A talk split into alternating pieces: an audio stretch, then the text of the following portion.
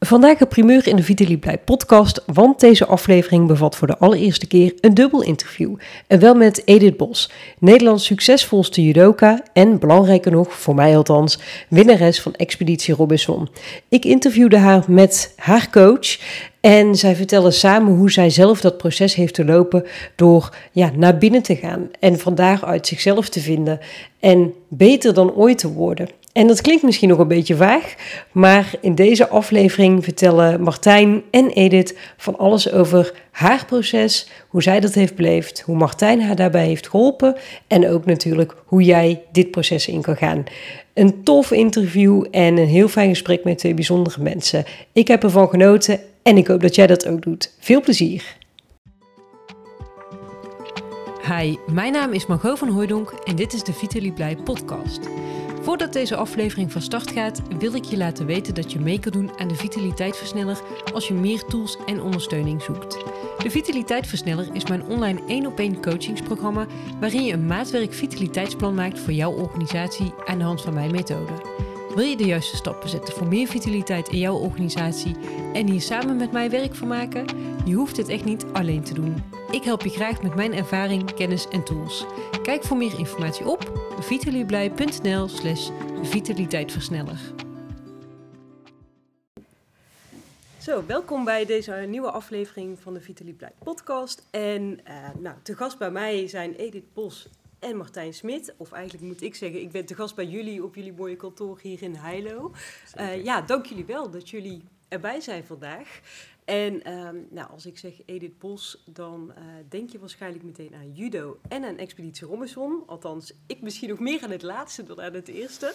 Um, maar Edith, misschien fijn dat jij gewoon even jezelf introduceert en vertelt uh, wie je bent, wat je doet. Ja, nou, eh, voormalig topsporter en dus ook nog Expeditie Robinson. Maar inmiddels, uh, ja, ik, wil, ik zou bijna geen coach willen zeggen, maar innovator, innovator op het gebied van mens zijn. Mm -hmm. En uh, ja, het is echt uh, mijn en onze passie, kan ik wel zeggen, om een bijdrage te leveren om mensen een stap te kunnen laten maken in hun persoonlijke ontwikkeling. En dat doen we op allerlei soorten manieren. En leuk om te vertellen dat ik tijdens mijn topsportcarrière, het ging niet allemaal vlekkeloos, ook uh, echt wel tegen mezelf aan ben gelopen tussen mijn derde en mijn vierde Olympische Spelen. Um, en ja, ik wist wel dat het toen tijd was om een stap te gaan maken om nou, van buiten naar binnen te gaan, dus in mezelf te kijken. En dat kon ik toen niet alleen. En het leuke is dat ik Martijn gevraagd heb toen de tijd om mij daarin te ondersteunen. En zo uh, hebben Martijn en ik een heel mooi proces doorlopen richting mijn vierde Olympische Spelen. En nu, ruim twaalf jaar later, delen we dezelfde passie en ja, ja, hebben we een mooi bedrijf samen. Ja, te gek. En uh, nou, daar zijn we nu. Dus nou, dat zien de mensen natuurlijk niet die aan het luisteren zijn. Maar uh, ja, jij zei inderdaad van ik zou het zo leuk vinden als Martijn ook aansluit bij deze podcast. En uh, nou, misschien dan ook maar meteen fijn Martijn als jij jezelf voorstelt. En ook vertelt van hey, hoe is dat dan gegaan? Hè? Die, die, die eerste samenwerking en wat daaruit voort is gekomen. Ja, ja nou zeker. Um, we, zijn, we hebben elkaar zo'n zo'n zo'n 10, 12 jaar geleden ontmoet. Ik was toen al coach. Ik ben van huis uit uh, bedrijfskundige en na mijn studie uh, wist ik, tijdens mijn studie wist ik dat, dat, ik coach wilde worden. Dat heb ik na mijn studie ook even gedaan, maar toen was ik 25, dus toen kwam ik al heel snel achter dat ik, dat ik van alles miste. Vooral levenservaring en ervaring hoe het werkt in bedrijven. Dus toen heb ik eerst besloten om in het bedrijfsleven te gaan werken een aantal jaren. En, en vanuit daar op een gegeven moment de stap weer teruggemaakt naar het coachingsvak. Um, en nou, op een gegeven moment uh, belde Edith uh, mij op met de vraag of ik haar kon begeleiden. Ik kende haar, kende haar niet. Um, uh, maar ik heb wel ja gezegd en, en we, zijn, we zijn samen gaan werken. Um, intensief traject, uiteindelijk zeker wel anderhalf, twee jaar richting, richting je laatste spelen. En elkaar daar heel goed leren kennen. Wel, wel eerst nog als, als coach en coachie natuurlijk. Ja. Um, en dat is eigenlijk wel, best wel een mooi verhaal. Want jij, jij, jij, jij vertelt over, over jouw ervaring, hoe het is om zo'n persoonlijk proces door te gaan. En ik, uh, ik, kan, ja, ik, ik belicht de kant van hoe kan je iemand daar nou bij helpen in zo'n proces. Dat is net zo belangrijk, net ja. zo waardevol ook. Ja.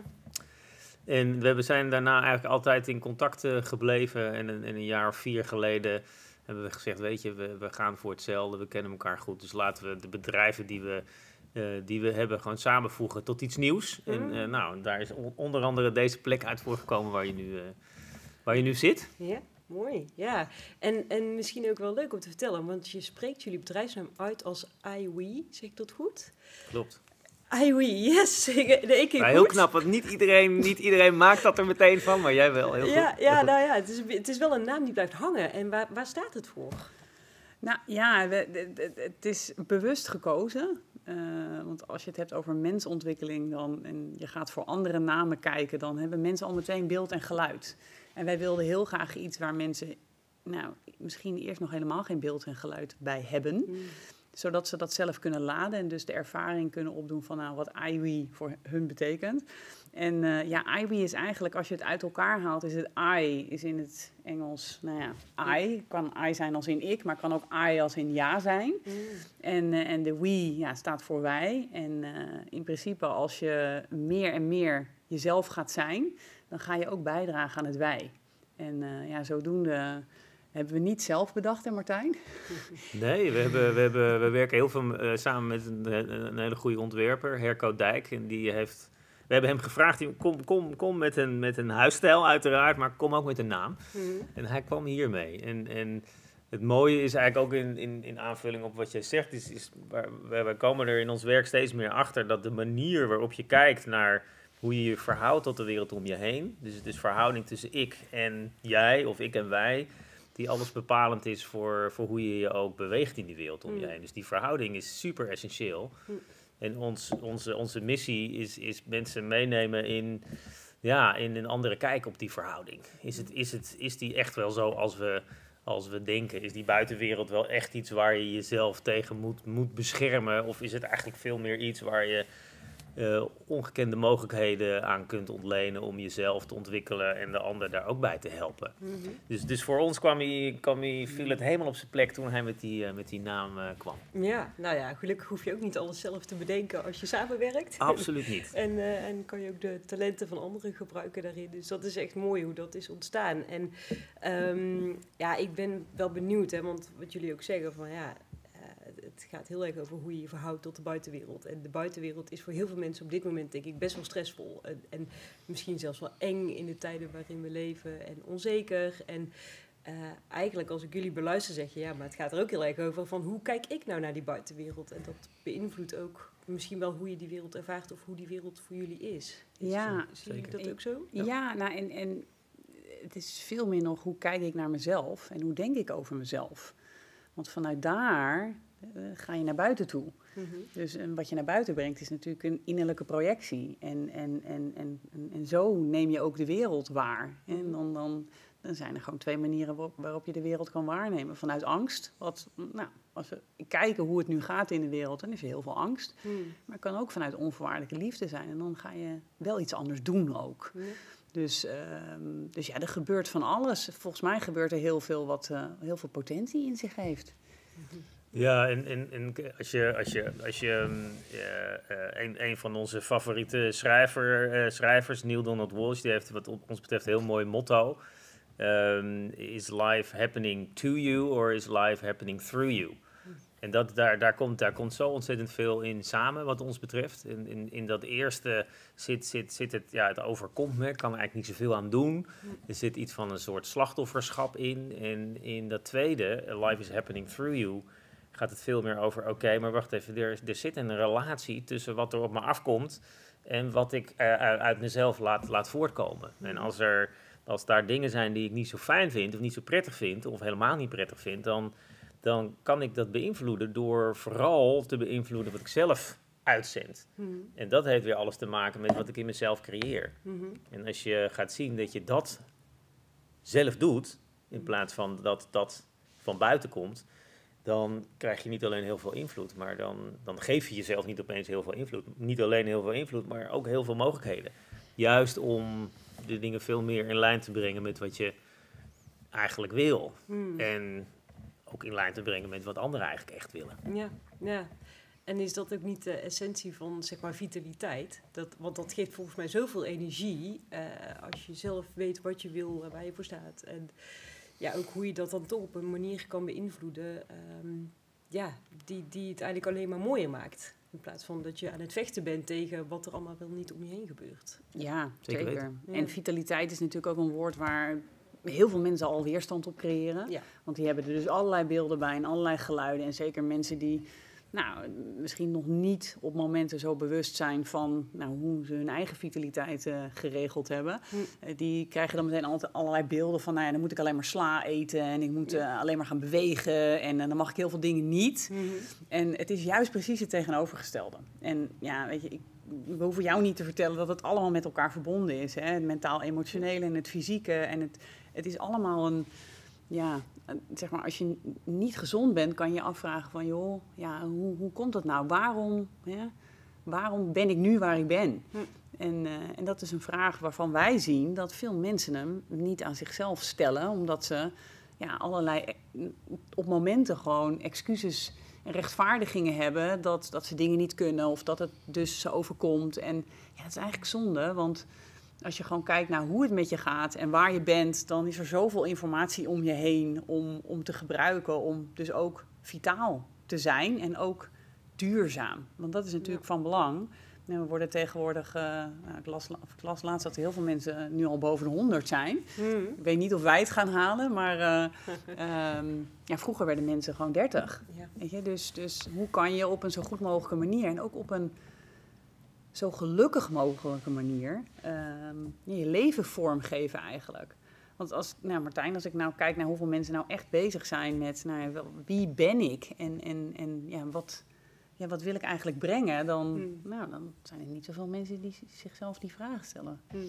Nee, ja, gelukkig wel, wel steeds meer. Want Wij werken eh, ja, dag in dag uit met, met allerlei verschillende mensen. En een van, de, een van de rode draden is dat heel veel mensen zeggen... Ik voel, me, ik voel me eigenlijk niet echt goed. Hm. Ik voel me, ik voel me ehm, Het is een zeventje of een zesje Ja, misschien. ja, of Ja. soms zelfs nog wel daar, Oké. daaronder. Onder- Ja. En, en, en dat heeft een emotionele kant. Hè. Ik voel me gewoon, eh, gewoon, eh, gewoon emotioneel niet lekker, maar het is ook vaak fysiek. Mensen zijn vaak moe en, Ja. dus, niet, en dus niet vitaal. Ja. En, en ons, onze, ons, onze centrale vraag is eigenlijk altijd van, joh, nou, hoe, hoe, hoe krijg je dat nou voor elkaar? Hoe, hoe- Om je hoe- niet goed te voelen. Ja, om je niet ja, goed te interessant hè? Ja. hoe- Ja, ja. Hoe, hoe breng jij je eigen vitaliteit nou eigenlijk om zeep? En de kunst is om die vraag zonder, zonder oordeel te stellen, Mm. eh, maar wel om, om, daar, om, om, om echt naar het antwoord op zoek te gaan. Mm. En, en, en in lijn met wat, wat, wat jij zei, Edith, we hebben de, de neiging om de oorzaken van de vermoeidheid eh, en het niet goed voelen buiten onszelf te leggen. Ja, maar dat komt door de thuissituatie, of dat komt door mijn werk, of het komt door mijn baas, of het komt door mijn. Nou, vul maar in. En, en, en ehm, ja, in onze ervaring is, is, kan, kunnen dat wel aanleidingen zijn, maar eigenlijk nooit oorzaken. En als je op zoek gaat naar waar jij jezelf eigenlijk, waar, je- waar je heel veel energie eh, aan verspilt als het ware, als je dat helder gaat krijgen, hoe je dat doet of waarom je dat doet, dan eh, heb je opeens heel veel invloed om terug te komen in, in je goede gevoel, zowel emotioneel als, als, als fysiek. Hm. Het vraagt wel wat, want het vraagt wel echt dat je dan bereid bent om te kijken naar, oké, maar wat doe ik dan eigenlijk in mezelf? En, en dan kom je onherroepelijk op de vraag, wie ben ik eigenlijk echt en waarom ben ik hier? Ja. Want als je niet echt leeft waarom je hier eigenlijk bent, dat is heel vermoeiend. Ja, ja, ja. En, en jullie zeggen echt heel veel mooie, interessante dingen. En ehm, eh, wat ik hier ook uithaal is, van het is natuurlijk heel makkelijk om te wijzen naar eh, die vervelende baas of de werkdruk of je kinderen die je nou, veel te vroeg wakker maken s ochtends en, en waardoor je dus inderdaad minder vitaal voelt. En eigenlijk zeggen jullie ook van ja, maar even los daarvan, dat zijn inderdaad misschien wel aanleidingen, maar het zit in jezelf. Dus je moet zelf die verantwoordelijkheid gaan nemen. Ja, dat, alleen dat al kan denk ik best wel lastig zijn. Maar nu, nu bedenk ik me van, oké, dus er luistert iemand naar dit verhaal. Die inderdaad op die drie zit en denkt, ja, Ja. jongens, jullie kunnen, jullie kunnen me wat. Maar die baas die zit er toch echt. En die Ja. kinderen die, die nou, lopen hier ook gewoon rond. Hoe moet ik dit dan doen? Kunnen jullie een voorbeeld geven? Of, of zeggen van, oké, dit dit, dit zijn de stap... Ja, niet de stappenplan, maar dit zijn wel de zaken waar je mee aan de slag kan. Ja, dat, dat kunnen we zeker. En, en mijn gevoel is ook is dat de mensen die, zeg maar, mensen die ook werken en die, wat we veel horen, is dat mensen juist op zoek zijn naar balans. Dat is wel grappig, hè? Als ze zichzelf dan bijvoorbeeld een 4, een 5 of een 6 geven. En dan precies die dingen noemen die jij, uh, die jij ook noemt. En werkgevers die doen heel hard hun best om mensen nou, maar te trekken om vitaler te worden. Ja. En, en het begint eigenlijk allemaal uh, toch met de keuze om uh, ja te zeggen. Ja te zeggen om echt te willen weten van, joh, waar ben ik nu? Wat is mijn huidige situatie? En, en, en nou ja, datgene wat Martijn dus ook zegt. Uh, want anders blijft het dus aan je baas liggen. Dus het vraagt de eerste keuze om echt ja te zeggen dat je dat wil weten. Nou, en dan Martijn, want dan vul, vul daar maar op aan. Nou ja, het, het, het, voorbeeld van de baas is wel, wel mooi. Hè? Kijk, uh, als je dus, dus stel even dat er heel veel spanning op de relatie staat met je baas. Dat betekent dat je dus nog heel veel weerstand in jezelf creëert. Nog heel veel negativi negativiteit en, en, en lading ten opzichte van, ja, van, van, je, van je baas. En, en vanuit dat perspectief heb je vaak het idee, ja, maar het ligt ook aan hem of haar. En, en hoe fijn zou het zijn als hij er niet zou zijn. Als, alsof dat de oplossing zou zijn. Mm. En op het moment dat je, dat je bereid bent om je eigen weerstand te gaan onderzoeken, want dat is waar je zoveel energie, uh, uh, waar je zoveel energie verliest. Op het moment dat je je eigen weerstand gaat onderzoeken, ga je zien van oké, maar wacht eens even, misschien leent deze relatie en deze situatie zich uitstekend om, voor, om nou juist iets te doen wat, wat ik eigenlijk van binnenuit heel graag wil doen, maar waar ik ook een beetje bang voor ben om te gaan doen, dan ga je opeens de situatie zien als een mogelijkheid voor groei. En als je die groei ook gaat doormaken, dan is er geen reden meer om je zo te verzetten tegen die situatie. Dan ga je de situ situatie gebruiken. En dan ga je dus je, je per definitie al beter voelen, omdat je zoveel energie niet meer verspilt. Mm -hmm. En of die leidinggevende dan meteen meegaat daarin, maakt eigenlijk niet zo heel veel meer uit. Omdat jij je anders verhoudt tot hem of haar. En Mm. dus ook iets anders in jezelf voelt. Mhm. En dat klinkt uh, makkelijk, en dat is het in essentie ook. Alleen daar komt heel veel bij kijken. Daar komen heel veel emoties bij kijken en hele, hele diepe weggestopte gedachten. En dat maakt het soms wat, wat moeilijker. Ja. Uh, maar, de, maar de oplossing is, is in essentie vaak helemaal niet zo heel erg moeilijk. Ja. Anders kijken naar, naar wat je meemaakt en jezelf de vraag stellen... maar waar, waar, waarom maak ik dit nou mee? Waarom, waarom is die baas nu opeens in mijn leven? Welke mogelijkheid biedt mij dit nou eigenlijk om iets anders te doen dan wat ik eigenlijk al heel lang doe? Mm -hmm. En als je daar tegen blijft verzetten, ja, dan verlies je heel veel energie. Maar als je Mm. daar vanuit je tenen, dat is denk ik ook wat jij bedoelt, vanuit je tenen ja zegt tegen de groeimogelijkheid en er ook Mm. voor doet wat er voor nodig is, dan kan je snel gaan. Ja, Kan je snel ja. gaan. het vraagt, eh, die ja vraagt ook dat je van buiten naar binnen gaat. Dus als je die ja hebt gezegd, dan is de eerste stap om je ook een aantal vragen te stellen en je ook te beseffen dat je alleen maar een verandering kan maken op het moment dat je een verandering in jezelf maakt. Hmm. En uh, ja, wij, wij zeggen ook dat is eigenlijk hè, een verandering in je interne dynamiek, dat alles wat je denkt, voelt, wilt en vanuit daar ook, ook gaat doen. En, en nou ja, je kan je voorstellen dat we denken heel veel, misschien wel veel te veel. Mm -hmm. En dus ook heel veel van die, eh, van die drie dingen die ik net noem, hè, dat, dat denken, dat voelen en dat willen, dat doen we op bewust, maar ook heel veel op onbewust niveau. Tot wel 95 procent, uh, ja. de psychologie. Ja, ja en, en het mooie is wat Martijn eigenlijk ook zegt, is juist daar het onderzoek in doen, want je gedrag komt natuurlijk voor uit de diepste gedachten die je over jezelf hebt. Dus die heb je wel, hè, die heb je in, in, in, de, in de loop der jaren, heb je die, die heb je ook heel diep weggestopt. Mm. En, en, en dat vraagt dus ook echt uh, nou, om te doen wat er voor nodig is, maar ook jezelf af te vragen: hé, hey, oké, okay, maar op het moment dat mijn baas dus bijvoorbeeld iets naar mij doet, uh, wat ga ik daarmee doen? Mm -hmm. Want wij weten dat als je met iemand in gesprek gaat, dat het, het, het kan wel zo lijken alsof je baas dat, hè, dat het je, je baas is die jou zo doet voelen, maar mm. ja, hij doet iets naar je toe. En daar ga jij iets mee doen. Ja. En dan denk jij dus iets. Hè? Nou, even, misschien is het goed om daar een voorbeeld van te noemen. Stel nou dat, nou ja, uh, Martijn en ik, dat Martijn mijn baas is. En Martijn zegt tegen mij, nou Edith, uh, dat, dat, nou ja, dat, dat werk wat je ingeleverd hebt, nou, ik vind het eigenlijk helemaal niet zo goed. Hmm. Dat kan. Ja. Nou, dan kan ik daar twee dingen mee doen. Maar als ik daarop aansla, dan, dan hoor ik iets anders dan wat mijn baas, Martijn dus in dit geval, tegen me zegt. Dan hoor ik, oh, oké, okay. oh, oh, dus het is niet goed. Oh, dus ik heb dat niet goed gedaan. Dus, oh, ik ben niet goed. Mm -hmm. Dat is wat we ervan ah, maken. Dat is het riedeltje wat misschien in een milliseconde in het hoofd af, afspeelt. Precies wat jij zegt, want zo snel gaat het. Ja. Maar vanuit dat je eigenlijk denkt, oh, ik, ik doe het niet goed, ik ben niet goed, kan je je voorstellen dat dat niet lekker voelt.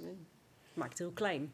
Ja, nou, je maakt jezelf klein. Ja. En, en, en vanuit daar creëer je dus een gevoel wat niet lekker is. En vanuit daar wil je dus iets anders. Want dan is het me aan alles gelegen om... Nou, van maar, dan denk ik op dat moment dat ik iets nodig heb van mijn baas om me beter te voelen. Bedoel, wie kent het niet? Ik wil erkenning, ik wil waardering, ik, ik wil gezien worden. In plaats van, hè, op het moment dat mijn baas dat tegen me zegt, je Ja. te beseffen dat je op dat moment jezelf niet waardeert. En jezelf niet erkent. En, Ja. en dus vraagt het ook iets, hè, dan in dit geval van mij, om, om te gaan doen, om terug te komen. Nou, Martijn, vertel jij daar maar iets over, want dat is misschien wel leuk. Nou, gewoon door in het proces. Nou ja, wat, kijk, een, een heel belangrijk eh, eh, ehm, uitgangspunt voor ons is dat er, hoezeer het ook zo kan lijken, maar geen directe relatie bestaat tussen wat een ander naar mij doet, wat een Mhm. ander van me vindt, en hoe ik me voel. Mhm. We hebben met z'n allen behoorlijk de neiging om te geloven dat we elkaar een gevoel kunnen geven. Mhm. Eh, als ik iets vervelends zeg naar jou, dan heb jij een vervelend gevoel, maar dan heb ik dat jou gegeven. Mhm. Maar wij, eigenlijk zeggen, maar jongens, volgens, mij, volgens ons werkt dat niet zo. Er zit, daar zit iets tussen. Dus jij iets vervelends tegen mij zegt en ik voel me rot, dan komt dat omdat ik op dat moment meeg- meega in dat, in dat negatieve perspectief eh, wat jij op mij hebt, wat ik dan ook vervolgens eh, eh, op mezelf heb. Ja. Dus, dus ehm, in onze optiek kan je helemaal geen gevoel krijgen. In, in onze optiek creëer je al je gevoel zelf. Ja. En dat doe je door middel van je gedachten. En dat doe je supersnel, en, maar je doet het wel zelf. Mhm. Dus in, en het gaat zo snel dat het soms kan lijken dat je daar zelf helemaal niet tussen zit, maar dat de ander de oorzaak daarvan is. Mhm. Maar het lastige daarvan is, is dat je dan, als je, als je, als je even in die verwarring zit, is dat je dus niet alleen denkt een ander doet iets naar mij, maar dan denk je dus ook een ander doet iets met mij. En als dat iets is wat vervelend is, heb je daar dus je rechtvaardiging te pakken om in de verdediging te schieten. Mhm. Of in de aanval, wat Ja. soms de beste verdediging is. Ja. Daar weet Edith alles van. Dus Laten we het daar dadelijk eens over hebben. ja, dat- nou, laten we dat zeker doen, want dat maakt het misschien ook nog wel heel, eh, heel, heel, eh, heel, eh, Beeldend. heel beeldend, inderdaad. Maar dus op het moment dat je, dat, je, dat, je, dat je gaat zien van, ja, maar wacht eens even, een ander kan wel iets naar me doen, maar niet, niet iets met me, dan kan je dus zien op dat je dus je eigen gevoel creëert. En als je dus een slecht gevoel hebt gecreëerd, dan, dan kan je dat dus ook zelf veranderen. Mhm. Dan heb je dus ook die ander niet nodig. Als die ander de oorzaak is, niet is van je slechte gevoel, is die ook niet de oplossing. Nee. kan je het zelf doen. En op zo'n moment kan je dus zien dat die baas, die, die misschien wel vervelend naar je doet. Dit zijn, er zijn bazen die dat doen. Er zijn mensen die soms heel vervelend zijn. Ja. Nou, dan we zijn allemaal wel eens vervelend naar een ander. En, en, maar als je ziet, ja, maar dat is niet de oorzaak van mijn slechte gevoel. Ik doe zelf daar iets in. Dan zie je ook dat je daar zelf iets in hebt op te lossen. En als je dat oplost en je komt weer terug zelf, eigenhandig in je goede gevoel, kan je altijd nog kijken, ja, maar wat heb ik nou nog voor die baas? Want misschien heb ik nog steeds wel eh, feedback voor hem, of heb ik nog steeds wel een vraag aan hem, of die wil stoppen met wat hij doet. Maar Ja. niet meer als oplossing voor mijn goede gevoel. Nee. En daarmee creëer je een enorme vrijheid en een enorme onafhankelijkheid, moet ik zeggen. En daarmee creëer je dus een enorme basis voor, voor hele goede samenwerking. Want als je niet meer in, in de valkuil zit dat je van elkaar van alles nodig hebt, Mhm. eh, ben je eigenlijk alleen maar bezig met, maar wat kan ik nou eigenlijk toevoegen aan onze relatie? Hoe kan ik het beter maken? En dan zit je in een heel ander speelveld. Ja, want als je... Oh, sorry. Ja, Ja. nee, zeg maar. Nou ja, want als je op, dat, op zo'n manier met elkaar het gesprek gaat of feedback geeft, dan is dat natuurlijk vanuit een heel andere dynamiek en een heel ander gevoel dan wanneer je zo primair er, erin gaat. Ja, en dan, dan groei je. Dan, groei je. dan groei je zelf, dan groei je naar elkaar toe, dan verrijk je je relatie, dan verbeter je dus ook je samenwerking. Dan zie je opeens dat je, dat je echt iets voor elkaar kan betekenen.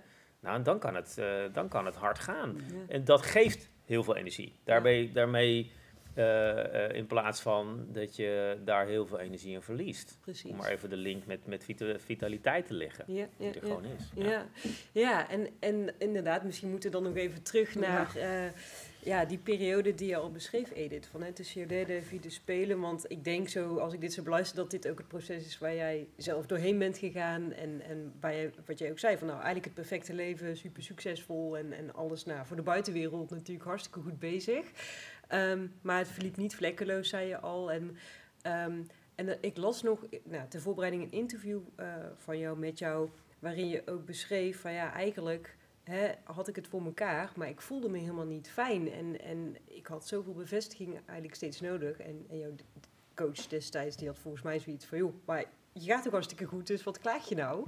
Ehm, en, dat, en dat raakte mij omdat ik dacht, oh ja, wat, wat herkenbaar denk ik ook voor mezelf en voor heel veel mensen, dat het, uh, dat het allemaal nog niet zo makkelijk is, ook al lijkt dat wel. En dan kom je waarschijnlijk in zo'n proces van, ja, als ik alles wat ik doe, ja, dat werkt niet of niet meer, of dat brengt me niks meer. Ja, dat is waarschijnlijk het moment waarop je dus van buiten naar binnen gaat en moet gaan. Mhm. En dan is het heel fijn dat je mensen op je pad ook treft die je daarbij kunnen helpen. Ehm, dus ik ben eigenlijk heel benieuwd, hoe, hoe, ja, hoe, hoe, was dit dan voor jou, dit hele proces? Nou, uiteindelijk heel mooi, want we zitten hier met z'n drieën. Dus uh, Ja. ik heb er echt iets goeds mee gedaan, kunnen we wel zeggen. Ja. Ehm, ja, het, klopt helemaal wat je zegt, Margot. Dat was eigenlijk hè, het leven wat ik aan het leiden was. Wel de lange ei, want eh, ik was echt eh, mezelf op alle mogelijke manieren pijn aan het doen. Kijk, om hem even plat te slaan. Ik heb het grootste gedeelte van mijn topsportcarrière eh, mezelf zeg maar gedreven vanuit angst. Dus ik was altijd bang om te verliezen. Hmm. Letterlijk te verliezen.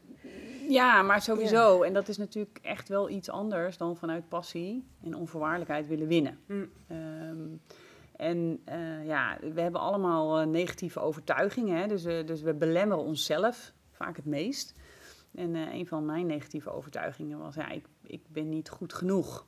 Ja, en ik was uber perfectionistisch. Dat gaan heel veel mensen herkennen die gaan luisteren. Hmm. Eh, en ja, eh, voor een perfectionist is het nooit goed genoeg. Nou, en ik had bedacht hoe het plaatje eruit zou zien als ik, dan, als ik gelukkig zou zijn. Dat klopt. En nou, maar dat plaatje had ik echt al bereikt op mijn 26e. En Wat was dat plaatje? eh, het plaatje was de beste van de wereld in mijn sport. Eh, een studie gedaan. Ik had toen mijn HBO afgerond. Een baan en ik gaf toen ook leiding aan eh, 13 mensen. Een leuke vent, mooi groot huis. eh, lieve familie en vrienden. Eigenlijk alle ingrediënten om nou, een heel fijn leven te hebben. En dan ben je 26. Ja. Het was, het was mooi eigenlijk op dat moment. Ja, voor het leek voor, voor de buitenwereld heel mooi. En ik deed het Mm. ook voornamelijk voor de buitenwereld natuurlijk omdat ik veel te bang was. Ik had die bevestiging ook nodig. Dus Mm. ik had er alle baat bij om dat perfecte leven te krijgen. Dat had ik. En toen kwam eigenlijk het inzicht. Nou, eerst was ik nog wat naïvig en wilde ik er nog niet aan, omdat ik dacht van, nou, nu komt het, nu komt het, nu ga ik me ook echt heel gelukkig voelen. Jij zitten en wachten. Ja. Nou ja, maar wel. Ik heb, ik, eh, om maar even, het is misschien heel raar. eh, eh, er zijn zoveel momenten geweest dat ik bijvoorbeeld naar mijn toenmalige vriend heb gekeken. En dat ik, ik kon niks bedenken waarom ik niet van hem hield. Van hem hou, want ik, ik hou nog steeds van hem. Hmm. Maar ehm, ik kon niks bedenken waarom ik niet van hem zou houden. Maar ik voelde het gewoon niet. En dat is best wel raar. Want dan denk je, ja, hou ik van je? Nou, ja, ik denk het wel. Dat was echt iets anders dan het weten. Maar weet je, dat waren van die momentjes dat ik echt wel voelde, diep van binnen, dat het niet klopte. Mhm. En toch heb ik daar heel lang nog mijn mind en ook mijn angst tussen gezet van nee, maar dat gaan we niet doen. Want ja, wat is dan wat is het alternatief? Eh, wat zullen mensen niet van me denken? Hè? Dat zal ook wel heel herkenbaar zijn. En ehm, ja, totdat dat op een gegeven moment niet meer ging. En, eh, en ja, wij, zeggen dan altijd, je hebt eh, bepaalde sleutelmomenten in je leven. En ik kwam eigenlijk, eh, nou ik heb meerdere sleutelmomenten gehad, want ik heb eerder momenten gehad waarin ik er echt niet aan wilde. Ik, ik verloor mijn Olympische finale in 2004 en toen ben ik gewoon keihard doorgegaan in mijn verharding en nog harder trainen. En, en, maar op mijn dertigste, het duurde even een tijdje, ik heb Mm. echt al een tijdje in schaamte rondgelopen. Oh ja, was het echt schaamte? Ja, Jeetje, ja. ja ik, ik wilde gewoon de schijn ophouden voor de buitenwereld. Mm, mm. Alles om maar dat beeld vast te houden van hoe je gezien wil worden. Terwijl dat heel anders was dan wie ik eigenlijk ben en wie ik wilde zijn. Mm. En, eh, en toen kwam er een sleutelmoment, dat was mijn dertigste verjaardag. En dat was gewoon ja, mijn zus die op een gegeven moment tegen me zei... Edith, eh, als je nu nog niet gelukkig bent, dan, eh, ja, dan ligt het aan heel veel eh, dingen. Maar niet meer buiten jezelf. Dan wordt het tijd dat je zelf in de spiegel gaat kijken. Mm. Dat was het eerste moment waarop ik echt voor het eerst aan mezelf toe durfde te geven dat ik gewoon me niet goed voelde Hm. en dat ik eigenlijk niet gelukkig was. En eh, vanuit dat sleutelmoment eh, ja, heb ik gewoon echt de keuze gemaakt om ja te zeggen, om zelf iets te gaan doen. Hm. En ook het inzicht wat ik tot dan toe had zitten doen. Want wat ik eigenlijk had zitten doen is gewoon heel hard trainen. Dus constant. Nou, mensen die heel hard werken en die iets willen bereiken, die zullen dat wel herkennen. Dan heb je net gehaald waar je naartoe wil. En dan kijk je alweer vooruit. Sta je niet stil bij je successen. En ga je maar, ga je maar, ga je maar. En ja, en ook een inzicht was dat ik, eh, ik was mezelf gewoon constant aan het afleiden. Hè. Telefoon, eh, nou, hoe je gezien wil worden, Instagram, alle social media. eh, Mm. nou, dat soort ehm, ongein allemaal. En, uh, maar ik had geen idee hoe. Want en dat is de vraag die de meeste mensen stellen. Ja, ik wil wel veranderen, maar hoe doe ik dat dan? Ja, en toen ben ik eigenlijk via... Ja, van je moeder neem je niks aan als je niet lekker in je vel zit. Maar mijn moeder was hartstikke positief. Die zei, ja Edith, ja, ik ken iemand en... Ja, ja, erger dan dit kan het niet worden, dus misschien moet je er maar bellen. Goeie binnenkomen. Goeie ja. binnenkomen. Maar ik was wel echt, ik was, ik was echt, ik, als ik een jaar lang algepoeder had moeten eten, dan had ik het gedaan bij ze spreken om me beter te gaan voelen. maar ik was er echt klaar voor om dat proces in te gaan. En ik geloof niet uh, in toeval. Dus uh, ik heb uh, de, de, man waar mijn moeder over sprak, dat was Martijn. En die heb ik gewoon gebeld. En ik weet nog de eerste keer dat ik bij Martijn binnenkwam.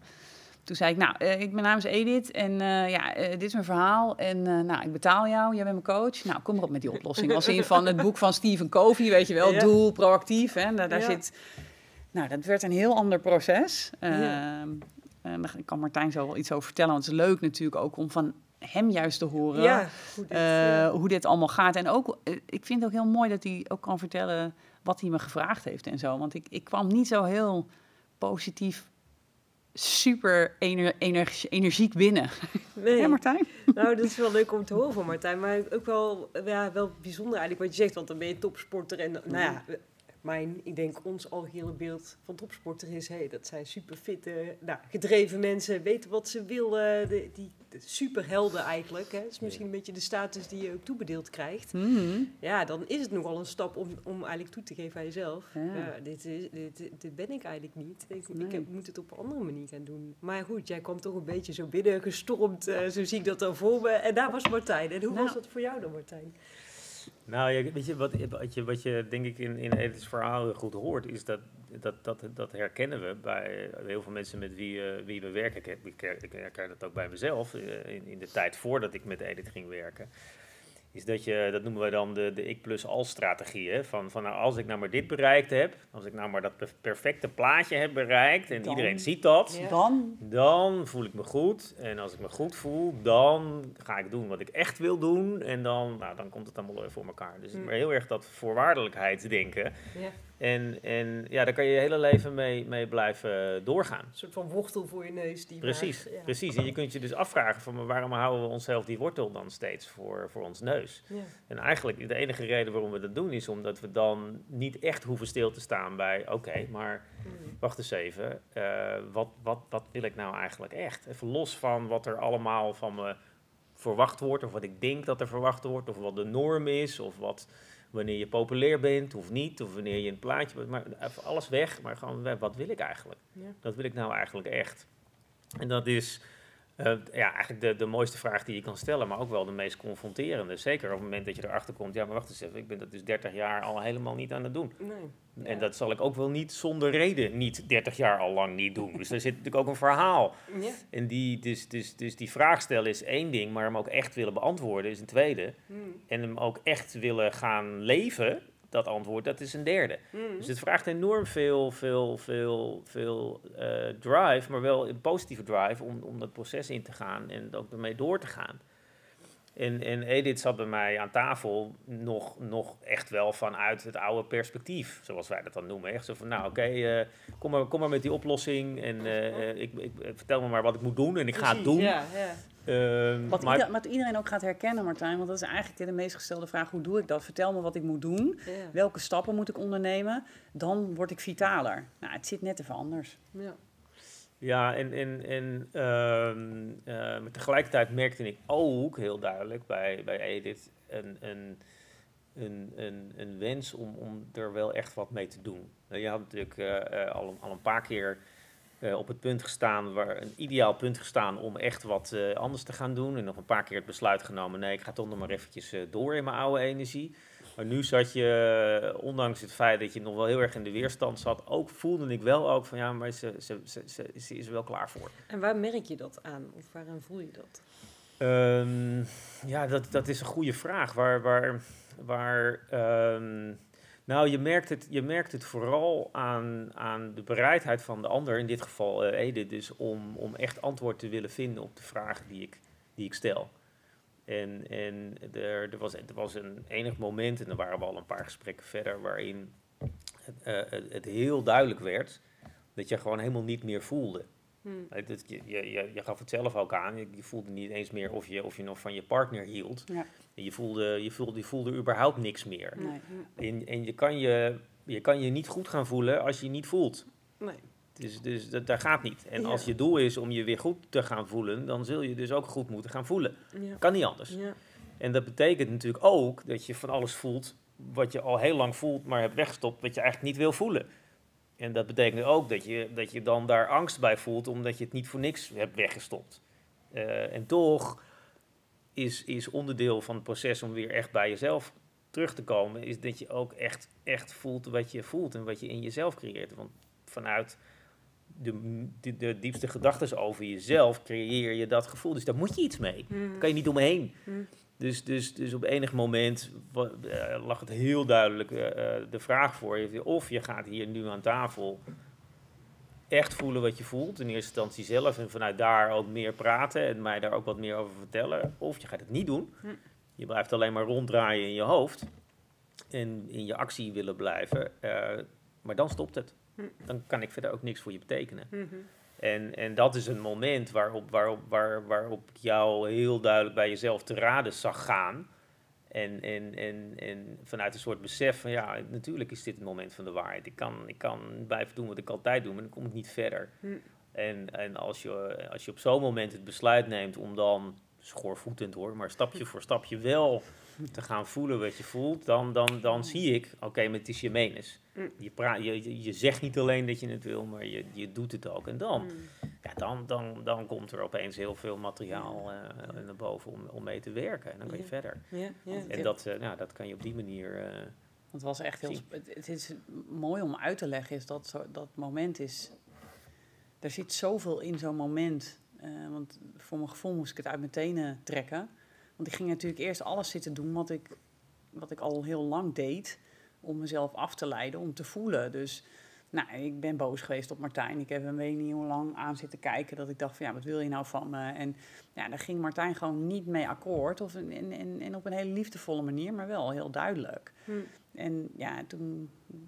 Het was ook echt het moment van de waarheid, maar daar zat, daar had ik, daar zat heel veel bij. Dus weet je wel, ik was niet echt gewend om ook echt te uiten op die manier. Dus ik ging uiteindelijk huilen, maar er kwamen gevoelens van schaamte mee. En ik vond het echt super spannend. En ik zat meteen in, oh, wat zou die nu niet van me denken? Weet je, alles wat ik eigenlijk al die hele 30 jaar eh, eh, had zitten te voorkomen, of in ieder geval eromheen gaan, dat, dat, ja, dat, dat diende zich allemaal aan. En ik heb dat toen wel echt eh, ten volle gevoeld. Wat ook meteen weer, dat is heel raar, het, is lastig. En tegelijkertijd creëer je heel veel ruimte in jezelf, omdat je ja, het vrijlaat en het loslaat. En, en, en ja, dat is, en vanuit, vanuit daar kwam er, kwamen er veel meer mogelijkheden. Want toen werd ik me steeds bewuster van, dat is dan ook, je bent meteen verpest. Op een goede manier. Ja. Want ja, op het moment dat je daar meer ruimte aan gaat geven, dan, dan kan je, maar dan wil je ook niet meer terug. Ja. Want elke keer als je daar weer instapt, en dat, en dat kies je eerst nog onbewust, maar dan op een gegeven moment word je er bewust van, dan voelt dat zo slecht.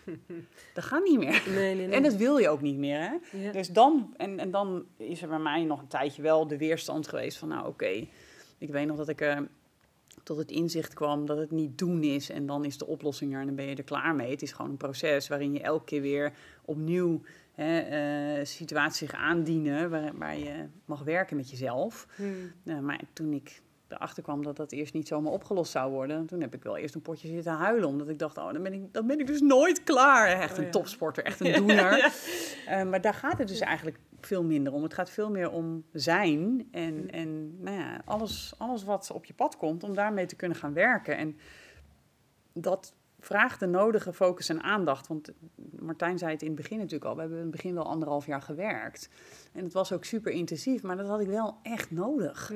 Ik heb die tijd echt nodig gehad om stapje voor stapje, ervaring voor ervaring, want je gaat nog heel vaak terugstappen in dat oude eh, gedrag eh, en, en, en, en vanuit angst.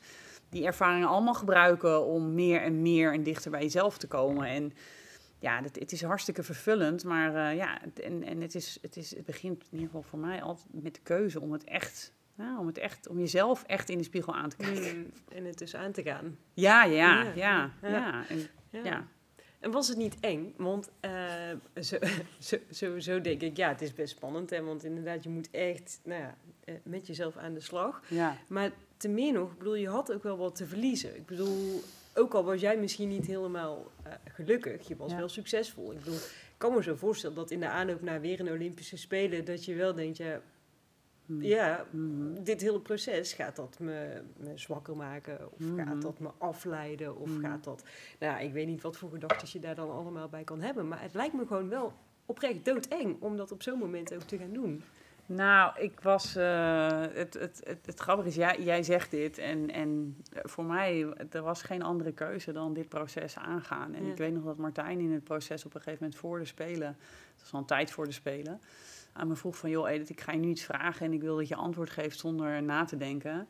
En toen zei hij ongelukkig goud of gelukkig zilver. En toen zei ik meteen gelukkig zilver. En toen moest ik ook meteen eh, huilen. Ja, we Ja. denken heel vaak dat we nog iets te verliezen hebben. En we denken, grappig, we maken onszelf wijs. Ja, want anders, houden we, anders hou ik, daar heb ik dat niet zo lang volgehouden. Dat het vanuit een andere energie dus niet mogelijk is. Terwijl, als we kijken naar het proces, dan in mijn laatste jaren in dit proces was ik net zo goed als sporter als daarvoor. Dus Mm. er zitten gewoon allerlei beelden bij. En volgens mij is het meest enge, in ieder geval wat ik, wat ik zelf ervaren heb, is niet zozeer ehm, die verandering maken, maar veel meer voelen wie je bent. En op het moment dat je echt gevoeld hebt wie je bent en wie je wil zijn, dat is pas eng. Want dan kan je niet meer terug. Mhm. Dan weet je elke keer als je dat niet leeft, dat je jezelf verlogent. Dus dat, dat, dat, dat was. Dus eigenlijk was. Ja, ik had voor mijn gevoel niks meer te verliezen. Ik weet niet hoe, hoe leg je dat uit? De, de, de, de mensen om je heen, hè, de, de, vooral de, de, de, de, de mensen vanuit de judo-wereld, die waren wel heel bang. ja. Ja? Ja, Ja. heel veel weerstand. Ja. Ja, ja. Ja, die hadden echt zoiets van, eh, shit, ja, maar hey, dit is een medaillekandidaat. Kans. en, Ja. en ja, misschien gaat ze wel, eh, gaat ze wel stoppen. Ja, ja, ja. Naar Ja. aanleiding van dit proces. Of misschien eh, verliezen ze er de scherpte wel. Vanuit Ja. de gedachte dat die scherpte alleen maar voort kan komen vanuit een soort, soort boosheid en een soort angst. Ja. Dus, dus nee, ja, of ja, de, de, de, de mensen om jou heen in de judo, die waren er helemaal niet blij mee. Nou ja, vanuit de het belangen die... die Ja. Ja. Ja, groot maar vooral dus ook vanuit een, vanuit een perspectief. Wat, wat, wat, ja, wat, wat, wat, helemaal dus niet, wat dus helemaal niet hoeft. ja. Want je hebt, eh, je hebt je proces doorlopen, je, je hebt even goed gejudo'd, maar wel vanuit veel meer passie en veel meer plezier. Vervulling. En, Ja. en eh, dat heeft zijn eigen waarde natuurlijk, maar ook met een veel minder afbreukrisico. Want juist door, door al die jaren voorbij te gaan aan hoe je je echt voelt, stond je, op het, stond je ook echt op het punt. En dat zei je ook tegen, tegen mij, het maakt me eigenlijk, toen je net binnenkwam, het maakt me niet uit als ik moet stoppen met judo, dan ga ik stoppen met judo. Ja. Dus daar zat eigenlijk het echte risico. Precies. Ja. En, en, ja. eh, ehm, en, en voor jou, ja, jij, jij zat op, op zo'n zo'n zo'n dieptepunt dat het, Ja. dat het niet meer uitmaakte. Dat, je, dat je eigenlijk op dat moment alleen nog maar wat te winnen had. Mm, Ja. mm, mm. Eh, in, in eerste instantie als mens en in tweede instantie pas als topsporter. ja. In eerste instantie zei je van ja, ik, eh, wat ik ook moet doen, ik wil me eerst gewoon beter voelen. En dan zie ik daarna wel hoe het met het judo zit. Ja. En toen kwam je erachter van ja, maar dat judo vind ik eigenlijk toch nog wel hartstikke leuk. Ja. Maar niet meer zoals ik het deed. Maar ik wil het op een andere manier gaan ervaren. Ik wil nog een keer die, die hele Olympische Spelen gewoon meemaken omdat het gaaf is. En- Zonder en- te hopen dat de zaal af zou branden. Precies. Ja. Ja, ja, ja. En, ja. en ja, het had, da- daar, daar, lag natuurlijk, daar lag natuurlijk het grootste deel van je, van je, van je goud in die ervaring. Want als je eenmaal hebt ervaren dat dus de context, want het was dezelfde hal, zou ik maar zeggen, Ja. en dezelfde druk. Ja. Als je dus echt ervaart dat, dat, dat het dus niet de context is die bepalend is voor je ervaring, maar echt wat jij daar zelf mee doet. Ja. Ja, dat is een ervaring waar je je hele leven eh, voordeel mee kan doen. Want Ja. je, ook, er is ook een leven na het judo. Nou ja, Dat Nou ja, blijkt. dat, ja. dat blijkt. Ja, Ja. nee, en, en het is mooi om te vertellen, Margot, dat, dat het proces was voor mij echt al goud. Hmm. Dus alles, ja, de, de rest was gewoon de kers op de taart. Ik, bedoel, ik ben zo dankbaar dat ik. En ik heb altijd, een, ik heb altijd gekeken naar, naar judo tot, totdat ik begon aan mijn proces. Van dat dat toch iets negatiefs was. En ja, ik had daar toch een bepaald beeld bij. En ik heb van dat verhaal iets heel moois gemaakt. Ik heb er alles uitgehaald wat, ik, nou, wat, er, wat er uit te halen viel om zelf als mens te groeien. En dan heb ik ook nog drieënhalf jaar echt genoten van mijn laatste stuk. Nou, ik, ik ja, kan alleen maar blij zijn. En, en, en ja, datzelfde geldt, we hebben het nu over topsport, maar ditzelfde geldt voor mensen die gewoon een baan hebben en een gezin en carrière willen maken. Of als je het hebt dan over vitaliteit. Ik bedoel, je hebt allemaal die sleutelmomenten in je leven. Mm. Maar wat doe, je er, wat doe je ermee? Doe je er iets goeds mee? Of besluit je om nou, dat nooit meer mee te maken of dat nooit meer te voelen? Of ga je daar dan omheen? Nou, dat is ook een keuze, maar dan weet je één ding zeker. Dan ga je niet echt helemaal naar je, dichter bij jezelf komen. En ook niet datgene ermee doen waarvoor het bedoeld is. En dat is eigenlijk wat Martijn ook zegt. Het, het, it's not happening to you, but through you. Dus het, heet, het, het, is allemaal zo mooi. Het sluit allemaal zo mooi op elkaar aan. Ja. Maar ja. Ja. Ja, en het is denk ik eh, eh, ja, die stap voorwaarts zetten. En misschien gevoelsmatig ook de beerput opentrekken. Want hè, dat is misschien voor mensen wel dat je, dat je, als je eraan begint, ja, maar wat gaat er dan boven komen? Wat gaat er Ja. nog gebeuren? Ik denk Ja, dat, dat is- En zo is- kijk je ernaar. Precies. Ja, en dat- is, dat is eigenlijk, eigenlijk bijna per definitie eh, kijk, kijk je zo naar je gevoel op het moment dat je niet voelt wat je voelt. ja, ja, ja. En dat is dus een hele effectieve sabotage, zou ik maar zeggen. Ja. Als je dus naar je Ja. gevoel kijkt als een beerput, Ja. Oh, eh, ja, ja, waar je die oh. open kan en waar van alles uitkomt wat, niet, eh, Waar je wat niks mee niet kan. wil. En waar je Ja. misschien nog wel in kan vallen, zou Ja, ik maar oh. zeggen. Waar je jezelf in kan je verliezen. Maar snap je, maar snap je hoe, Ja. hoe slim we eigenlijk zijn? Ja. Dan, hoe, hoe, want als je zo naar je gevoel kijkt, ja, dan snapt iedereen dat je die deksel erop laat. Ja. Nee, natuurlijk trek je die er niet af, want ja, Ja. Dat, dat wordt, wordt het niet beter van. Ja. Maar een van, de belangrijkste, een van de belangrijkste dingen die we doen, is mensen helpen om, om zich bewust te worden van, maar hoe kijk je eigenlijk naar je gevoel? En waarom kijk je er eigenlijk zo naar? Dat het eigenlijk een fantastische, dus aanhalingstekens, techniek is om dus maar niet te gaan voelen. Maar op het moment dat je ziet dat je jezelf daarmee eigenlijk in de voet schiet. En eh, dan ga je andere keuzes maken. En dan ga je uiteindelijk zien dat er helemaal geen beerput is. Mm. Die is er helemaal niet. Misschien is het wel een pot met goud die je vindt. Nou, dat, dat is, het, is dat zeker. is het zeker. ja, er is wel van allerlei gevoel in je, eh, wat je in jezelf hebt gecreëerd. En wat je nog weg, weg, weghoudt. En, en wat je blijft creëren. Zeker, maar dat is geen beerput. Dat is gewoon gevoel. dat, is, ge- dat, is, dat is dat informatie over jezelf aan jezelf. Hm. En, en, en, en dat is goud waard. Hm. Dat is echt goud waard als je ernaar luistert. Ja. In, in dat perspectief, daar als je er anders naar gaat kijken, dan ga je er ook iets anders mee doen. Ja. En dat is, dat is een belangrijk deel van, van, van, van ons werk waar we mensen mee, eh, mee helpen. En vanuit daar ga je dus ook anders kijken naar wat je meemaakt. Ja. Ook naar die baas waarvan Ja. je nu nog denkt, ah, hij is het probleem. Nee, ook naar je kinderen, ook naar, naar, naar de mensen om je heen. Het- wat wel goed is om nog te zeggen als je het hebt over de beerput, want heel veel mensen kijken er nog zo naar. Ja. Maar we hebben ook heel veel mensen die we, die we ondersteunen, die bijvoorbeeld zeggen: Ja, maar ik heb het al zo vaak en zoveel doorvoeld.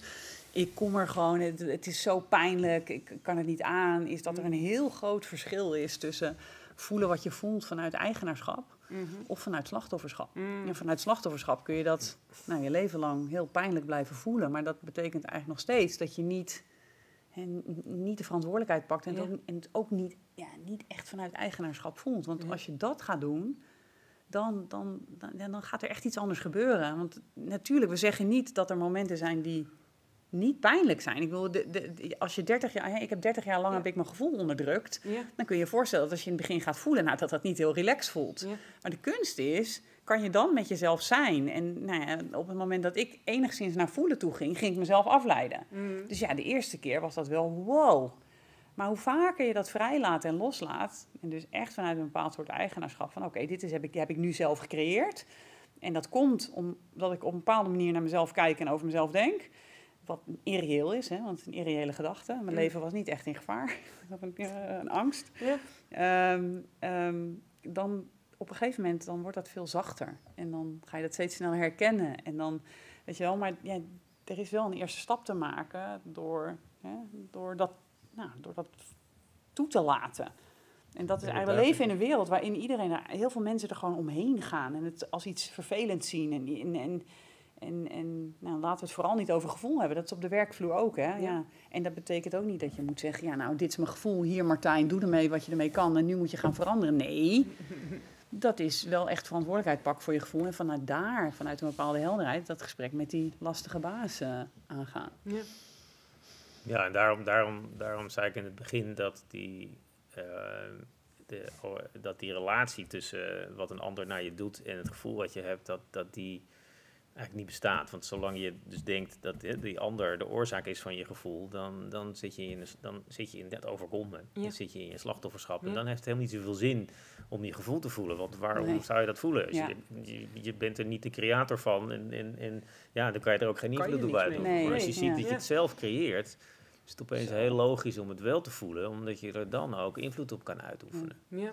En het, het, het, kijk, ehm, op het moment dat je je afsluit van je emoties, het lastige is, dan sluit je je eigenlijk ook af van je intuïtie. Ja. En je verlangens en je gevoel voor richting, want dat is ook allemaal gevoel. Mm. Dus als je niet voelt, dan, dan, dan voel je dus niet alleen je emoties niet, die in feite gewoon feedback zijn over hoe je over jezelf denkt, Hm. maar je snijdt jezelf ook af van je eigen kompas en je eigen kern en je eigen, je eigen innerlijke weten. En dan ben je lost. Mm. En dan heb je geen ander alternatief dan je verliezen in. Precies, en dan, dan moet die richting die moet van buiten komen. Precies, En dan ja. ga je je opeens bezighouden met normen en met verwachtingen en Ja. met voorwaarden. Ja. En vanuit het idee dat, het, dat dat werkt. Maar diep van binnen weet je dat het niet zo is. Dus op Mm. het moment dat je je weer verbindt met je emoties, verbind je je ook weer meer met je intuïtie. En daar bepaal je je eigen koers vanuit. En daar zit je, daar, dan voel je ook weer je bestaansreden. Ben je niet meer zo bezig met je bestaansrecht eh, te, eh, te, te claimen, maar ben je veel meer bezig met, ja, waarom ben ik hier eigenlijk? Hm. En dat voelt niet alleen ontzettend goed, daar krijg je ook nog zo ontzettend veel energie van, in plaats van dat je het verliest. Mhm.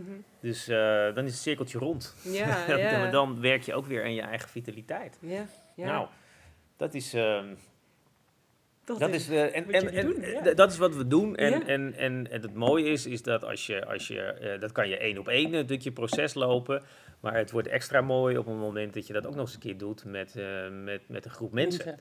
Eh, en het wordt nog mooier als dat ook het, die groep mensen ook een team is waar je onderdeel van uitmaakt. Want als je op deze manier met elkaar op dit, op, op dit niveau het gesprek voert en elkaar op dit niveau in je proces helpt, dan, dan, dan, dan, dan, dan voeg je een laag aan je interactie toe die, die, die gigantisch is. En, en dan zie je dus dat de communicatie enorm veel beter gaat lopen, de samenwerking enorm veel beter gaat lopen en je dus uiteindelijk ook veel effectiever wordt met elkaar. Mm. Eh, en dat is, nou, dat is dan wat wij een win-win team noemen. Eh, en ja, dat, dat is, dan, dan, dan zie je dat je in, in, ja, in, in een half jaar tijd opeens een hele andere dynamiek met elkaar creëert. Waar veel meer energie uit voortkomt dan dat, je er, eh, dat je er verliest met elkaar. Ja, ja, ik las op jullie website dat jullie niet van de tips en de trucs zijn. En inderdaad, gooi even een workshopje er tegenaan. En, eh, en succes Nee, verder. En, en nee. ik denk dat dit, ja, hoe jullie dit zo beschrijven, dat het ook wel heel goed laat zien waarom dat dan niet werkt. Ja. Want ja, je kan Ja. een cursus eh, time management volgen. Maar ja, als je inderdaad in een dynamiek zit met elkaar die, die niet stroomt, ja, dan verlies je daar nog steeds heel veel tijd en dus energie mee. Zo is het. Ja, dus Ja. Veel, je kan, je, je kan je, je hele leven op zoek blijven naar de oplossing om nieuwe dingen te doen, om te zorgen dat je het gaat fixen. Ja. Of je kan de keuze maken om naar binnen te gaan en naar je proces te gaan en te kijken wat er in essentie nou onder ligt. En daar is wat ons betreft waar het werk te doen is. Het gaat over iets in jezelf. En als je daarmee kan werken, nou, dan kan je op een gegeven moment gewoon de hele wereld wel... eh, ik wil de wereld aan, maar dan ga je echt bijdragen aan de wereld. En, dan, Ja. maar, en voornamelijk ook bijdragen aan jezelf. Alleen heel veel mensen die zijn zich er überhaupt nog niet eens bewust van dat, dat er zoveel potentie zit in hen zelf. Ja, en ik denk ook dat dat eh, de angst veroorzaakt. Hè? Want, want ik, ik snap helemaal wat jullie zeggen, hè, van als je intuïtie volgt en je eigen koers en, en los van Mhm. wat er van je wordt verwacht. Mhm. Maar tegelijkertijd zie ik toch nou, in mijn omgeving en ook door mijn werk heel veel mensen die denken, ja, dat zal allemaal wel, maar die hypotheek moet worden betaald. En ik weet nu tenminste wat ik heb. En ik weet Ja. dat ik het huis nog heb. En dat ik deze auto rij. En, en ja, help. Dat is eigenlijk een beetje hetzelfde, denk ik, als wat ik net zei over die beerput. Van ja, wat kan er allemaal wel niet misgaan als ik dat doe? Terwijl Ja, ergens ja. moet je denk ik ook een soort van dat vertrouwen hebben van maar... Komt, het komt goed, zeg maar. Hè? Snap je wat ik bedoel? Van dat Ja, dat ja, zeker. spannend is. Nou ja, mensen. ja zeker. En, en, en het interessante is, is, is om, om, om, die, om die angsten en die spanningen heel goed te onderzoeken. Want daar zitten allerlei, nou ja, zoals ik net al zei, sabo- sabotagetechnieken Ja. bij om, om, niet, om er niet aan te hoeven. En, en, en op het moment dat je, dat je meer en meer vanuit je eigen intuïtie jezelf gaat sturen, Dat hoeft helemaal niet te betekenen dat je, dat je van de een of andere dag je baan opzegt en zegt, jongens, ik vertrek eh, of ik uh, ga reizen. Ja. Of ik, eh, ik meld me aan bij Greenpeace of whatever. Dat, dat, Dat hoeft, dat hoeft nee, helemaal niet. nee, Nee, nee. va- vaak, vaak ligt juist de mogelijkheid in de Mm. plek waar je zit. Maar je gaat in die plek iets anders doen. Ja. Ja, natuurlijk loop je het risico dat de mensen om je heen gaan denken, "Hé, wat, wat, doet, wat doet die nou? Ja. En een aantal mensen denken, hé, hé, eindelijk. En een aantal mensen denken, oh, Oh, nee, nee. die moeten we niet hebben. Terug in je hok, terug in je hok. Ja. Maar daar, daar begint het, daar begint het. Ja. En, en, en, en dus, dus, dus het feit dat je 180 graden anders gaat kijken en 180 graden iets anders gaat doen, hoeft niet te betekenen dat je leven meteen totaal op zijn kop staat en je Mhm. je hypotheek niet meer kan betalen. Nee, helemaal niet. Maar dat zijn dus juist die beelden Dat die je creëert precies. met je Ja. gedachten, waardoor je jezelf nou, meteen afhoudt om echt eens antwoord te gaan vinden op je Ja. vraag. Ja, Daar zijn we heel, heel slim in Oh, met z'n allen, ja. om allerlei redenen te bedenken om het maar niet te Nee. doen. Ja. Maar op het moment dat je gaat zien dat je jezelf gigantisch in de voet schiet, en eh, ja, dan, dan, dan zou je een beetje dom zijn om dat te blijven doen. Ja, nou daarom vind ik dit wel een mooie toevoeging. Omdat, nou, wat ik zeg, ik denk dat, je, dat die, hè, als je, wat je zegt, als je eenmaal in dat proces zit, dan kan je niet meer terug. Hè? Dan, dan ga je eigenlijk, maar ja, het is juist die eerste stap die het misschien heel eng maakt. En die dus helemaal niet zo eng hoeft te zijn, dat je nou ja, dat ook gewoon kan gaan onderzoeken wat het dan eigenlijk betekent. Ja, Ja. ja zeker. Ja. En, en, en, het feit, en als het dus eng voelt, dan als je, als je ziet, ja, maar dat enge gevoel creëer ik zelf ook. Dat is ook gevoel waar Ja. ik naar kan luisteren. Dat is ook gevoel waar ik, waar ik iets goeds mee kan doen. Ja, dan ben je in charge. Altijd. Ja. En, en, en, ja, en, en, en als je dat ook echt wil, ja, dan ga je het doen. Tenzij je zegt van, nou ja, ik, ik blijf liever niet in charge. Ik blijf liever eh, een beetje in mijn comfortzone. Hmm. Ik blijf liever hangen in, ja, maar het komt door hem of haar, of zus of zo. Of ik wacht liever op dat hij eerst zus of zo. Ja, dat kan. En dat, dat, is niet, dat is niet fout, maar als je je echt goed wil voelen... en als je echt vervulling wil voelen, dan moet je waarschijnlijk wat anders doen. Ja, ja. Nou, ja, en ik denk ook dan, dan heb je het in ieder geval misschien toch al onderzocht. En dan weet je misschien iets beter waar je ja of nee tegen zegt. En misschien is dat dan voor sommige mensen op dat moment ook het maximale wat, wat ze kunnen doen. Of, of, of zeg je van nou, dat is toch dat is echt heel anders. Nee, ja, Of, of ja, en, wat, en wat is anders? nou, wat ik zeg, hè, van soms ja, kan je misschien op dat moment niet ja, alle stappen of dat hele proces meteen door. Eh, maar kan je misschien heel bewust de keuze maken, oké, misschien is het niet perfect. Of is Maar waarom het... zou je, waar- waar- waarom zou zou je dat proces niet... niet doen? Zo'n proces is sowieso stapje voor stapje. Maar waar- waarom zou je het volgende stapje niet kunnen zetten? Weet ik niet. Misschien dat Nee, maar- mensen op, op een dag zeggen, nou, ik weet het niet, ik durf niet, ik kan niet, ik, I don't know. Nou, ik durf niet is wat anders dan ik kan niet. Ja, Want iedereen, als je de keuze maakt, kan iedereen het. Dit proces, het, het heeft Ja. niks te maken met leeftijd, niks te, ervaren, met, niks te maken met ervaring, niks te maken met intelligentie. Dit, is, dit gaat puur over, over een hele natuurlijke groei doormaken als mens. Hmm. dat, Ja. dat, en dat is zo natuurlijk als wat. Alleen we kunnen die, dat natuurlijke proces behoorlijk eh, eh, stilzetten en dwarsbomen. Dat doen we altijd vanuit angst. Maar dit is niet omdat we het niet kunnen. nee, nee, nee. Dus ja, mensen maken heel veel Oh. keuzes vanuit angst. Ja, En noemen dat vaak, ja, maar ik, ik kan het niet. ja. Omdat, of- whatever. Maar Of het komt nu niet uit, of het is nu, er speelt zoveel, eh, het wordt te veel. eh, nou, we, we, hebben er zo, we kunnen zo'n A4-pagina vullen met, Met wat mensen zichzelf ja. vertellen. Maar ja, als je ja hebt gezegd, kun je die kleine stapjes sowieso parallel laten lopen naast het leven wat je leidt. Want dan is het leven wordt ook gewoon speeltuin. En, en, en het is juist zo interessant op het moment dat je, dat je dus met iemand in gesprek bent die dus Ja. zegt, ja, ik kan dit niet. Het is, Mm. bedoel, dit is niet fout, maar het is wel heel interessant. Van, joh, maar Oh, oké, maar wat, Ja. wat, wat doe je dan nu? Ja. Ja. Waarom, waarom ontken je je eigen invloed nu? Ja. Ja. Waarom, waarom, waarom, waarom doe je dat nu? Voor, eh, welke stap hoef je dan dus niet te zetten? Wat hoef je dan niet te doen? Ja. En, en is dat niet eigenlijk precies wat je me net hebt verteld dat je wel wil doen? Oh ja, en maar waarom doe je het dan nu niet? Snap je dat? dat, ja. Die, dat, dat vraagt van, van, vanuit ons heel veel helderheid Ja. en, en heel veel doortastendheid. Ehm, maar als je die hebt, dan, dan, ja, dan, dan, dan komt iemand echt wel op, op het punt om, om, om dat ook te gaan doen. En, en als iemand uiteindelijk dat toch niet wil zien of daar niet iets mee wil doen, is dat natuurlijk heel legitiem. Hm. Maar is het wel handig om te zien wat het dan is? En dat is nooit, ik kan het niet. Maar oké, ik kies er niet, niet voor. Nou, precies. Oké, ja, dat, blijft, een, blijft een, een, een Keuze. eigen keuze natuurlijk van Ja, iedereen. ja. De, de- de kunst is om daar zonder oordeel naar te kijken.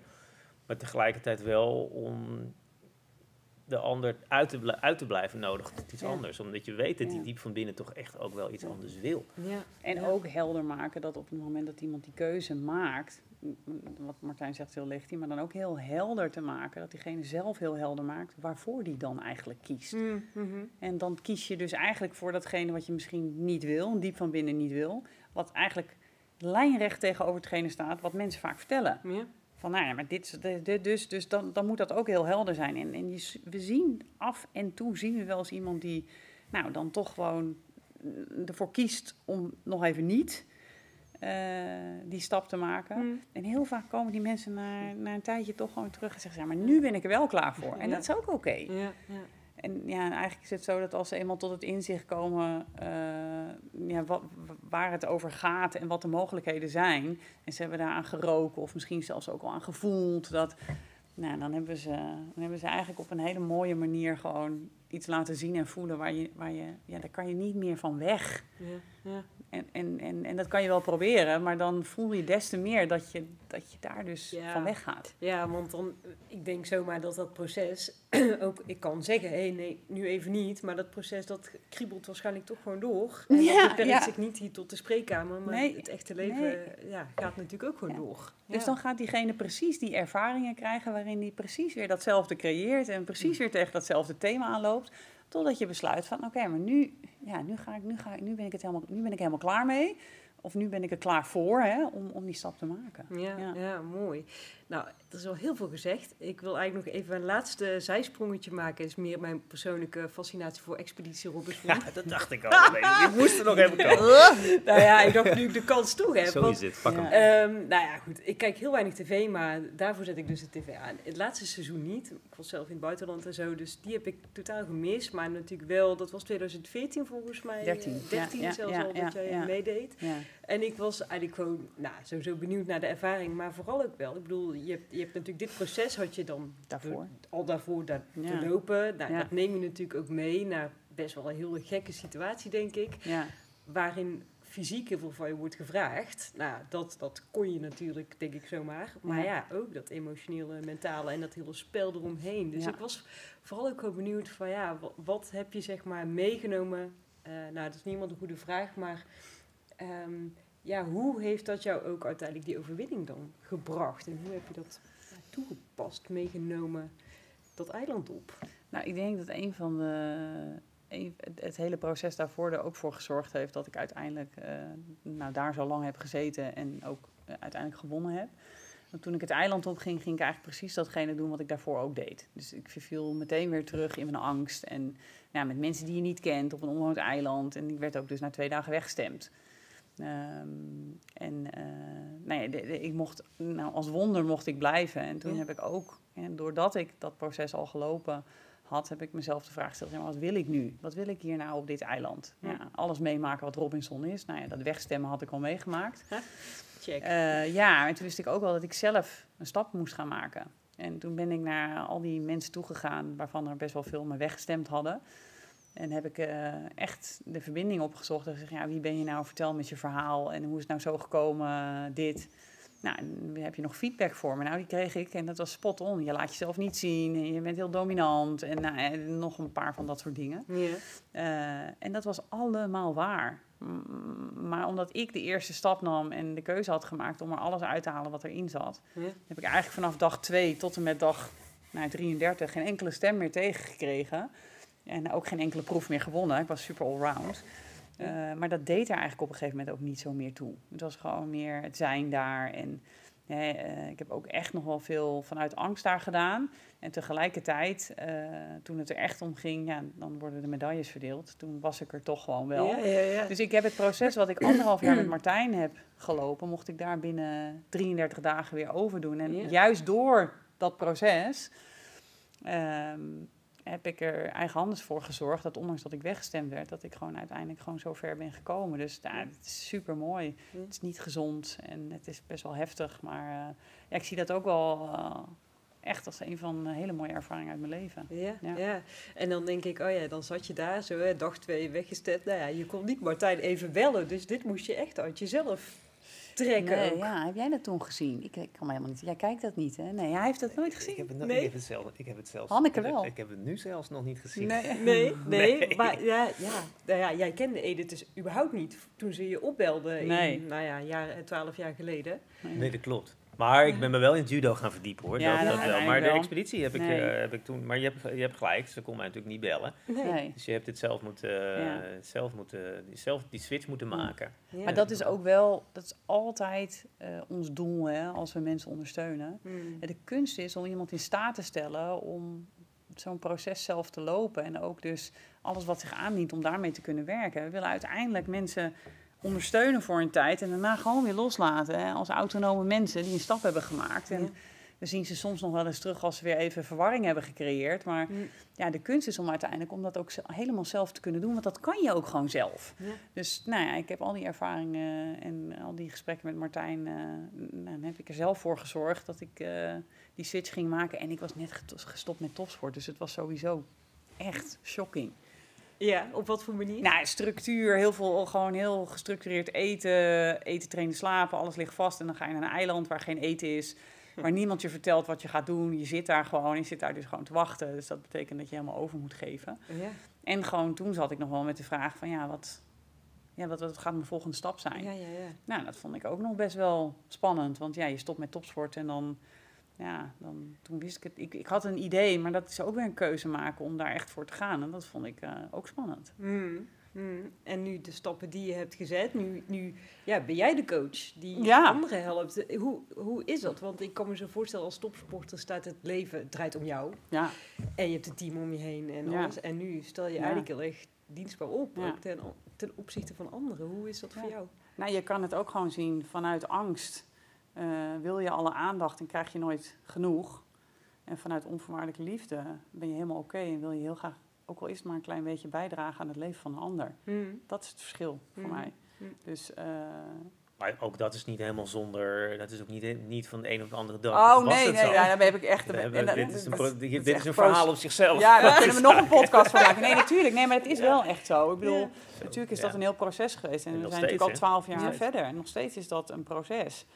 Ehm, maar om hem even plat te slaan, is, is, is dat uiteindelijk wel eh, wat het is. En, en ja, dat is niet zonder slag of stoot. Ik ben niet zomaar ondernemer geworden. Dat heb ik met heel veel omtrekkende bewegingen gedaan. Met nog even toch twee dagen ergens in dienst. En Hmm. nou, ik weet nog dat ik dat een keer tegen Martijn zei. Dat Martijn dan moest lachen. Nou, ga jij nou maar even daar werken, weet je wel.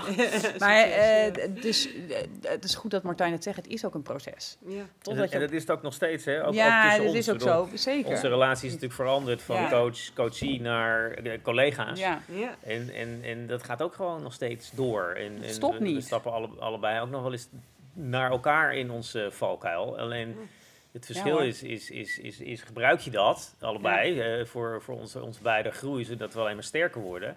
Of ga je eromheen? En, Ja. en, en als, je dat, eh, als je dat eerste doet, ja, dan, dan wordt het alleen maar beter. Hmm. En dan, eh, Ja. dan, dan, blijf je, dan blijf je groeien. Want Ja. er blijven constant dingen je pad komen waar je weer omheen kan. Of waar je juist, eh, die je juist kan gebruiken. Dat blijft zo. Ja. Dat je daarmee ook je groei blijft eh, eh, eh, aanjagen, zou ik maar zeggen. Ja, Ja, dus is mensen, mooi. sorry, niet het antwoord wat jullie willen hebben Nee. waarschijnlijk, maar het Hm? blijft een proces. Ja, helaas. Het, het stopt Ja, maar, Nee, maar leuk, de, maar de, is maar de leuk, vervulling ja. zit, zit ook in het proces. Het is gewoon zo gaaf ja. om iedere keer weer, Jezelf uit te vinden. weer een stapje verder te komen Ja. met elkaar. Ja. Ook als Ja. team. Ja.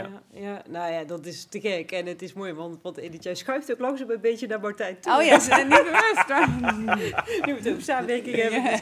Nee joh, dit is, dit is hartstikke leuk. En ehm, nou, ik denk ook dat het goed is om af te ronden, want het is gewoon een fantastisch mooi verhaal zoals jullie dat samen vertellen. En ook beide kanten van dat verhaal zo mooi en goed belichten. En eh, als je het dan hebt over iets bijdragen aan de wereld, andere mensen helpen. Nou ja, ik denk altijd met deze podcast, ik hoop dat er heel veel mensen luisteren en ook genieten van het verhaal. Ik heb dat in ieder geval gedaan, dus dank jullie wel. En Nou, graag gedaan. Ehm, ja, fantastisch. Yes. En, en ik hoop dat anderen hier ook weer even een stukje inspiratie ha- uithalen. Of misschien denken, hé, hey, die stap, die, eh, die moet ik ook maar eens gaan zetten. En ik, eh, ik wil dus gaan onderzoeken hoe ik dat doe. Nou ja, ehm, jullie zijn te vinden. Ik zal ook even de website en zo natuurlijk eh, hierbij zetten. Ja. En ja, nogmaals te gek. Dank jullie wel. Is er nog iets wat jullie kwijt willen wat we nog niet hebben besproken? Ja, de laatste boost, inspiratie, Nee, hoe was het voor jou?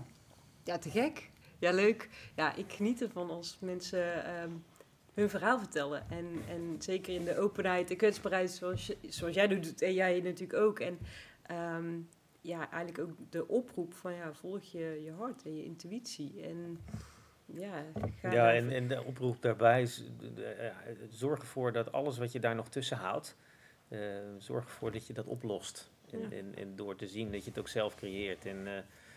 ja, doe er wat goeds mee. Nou, ja. Vanuit daar kan je heel veel goeds ook weer voor anderen betekenen. Ja, nou, ik kan geen beter einde van deze aflevering wensen. Dankjewel Martijn, dankjewel Edith. En uh, nou, dank voor het luisteren. En ik hoor heel graag wat je ervan vindt. En uh, heel graag tot de volgende aflevering. Yes, deze aflevering van de Vitaly Blij podcast zit er alweer op. Ik hoop dat je er informatie en inspiratie uit hebt gehaald.